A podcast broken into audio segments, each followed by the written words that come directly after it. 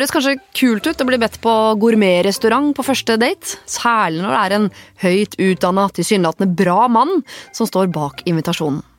Men er det så smart å takke ja til en så storslagen invitasjon? Han var veldig pinlig. Han satt og stirret veldig intenst på meg.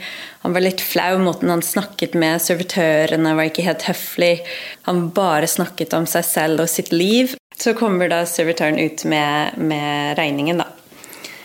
Og så tar han ut en bunk med kontanter.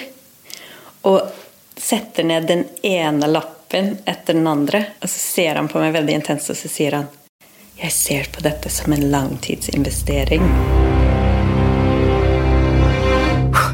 Jeg må bare legge til at vi som alltid så skal vi få høre hvordan denne historien til Christine ender, men vi må diskutere det her litt mer. Her må det være litt skylddeling. Han, han karen er jo super creepy, men uh, Christine har, har, vært kan man si, litt dumsnill. da. Mm. Liksom Allerede på glass to så tror jeg at jeg hadde kjent sånn dette, dette kommer til å bli vanskelig å komme seg ut av. aktig da. Det å romantisk avvise en mann er jo et litt risikabelt eh, prosjekt. Kan... Den blir på en måte hardere og hardere eh, jo senere mm. klokken blir. da. Mm. Eh, fordi nå skal hun ikke bare avvise han eh, som en, en måte, romantisk partner, men hun skal også potensielt avvise at han skal sove, ha et sted å sove.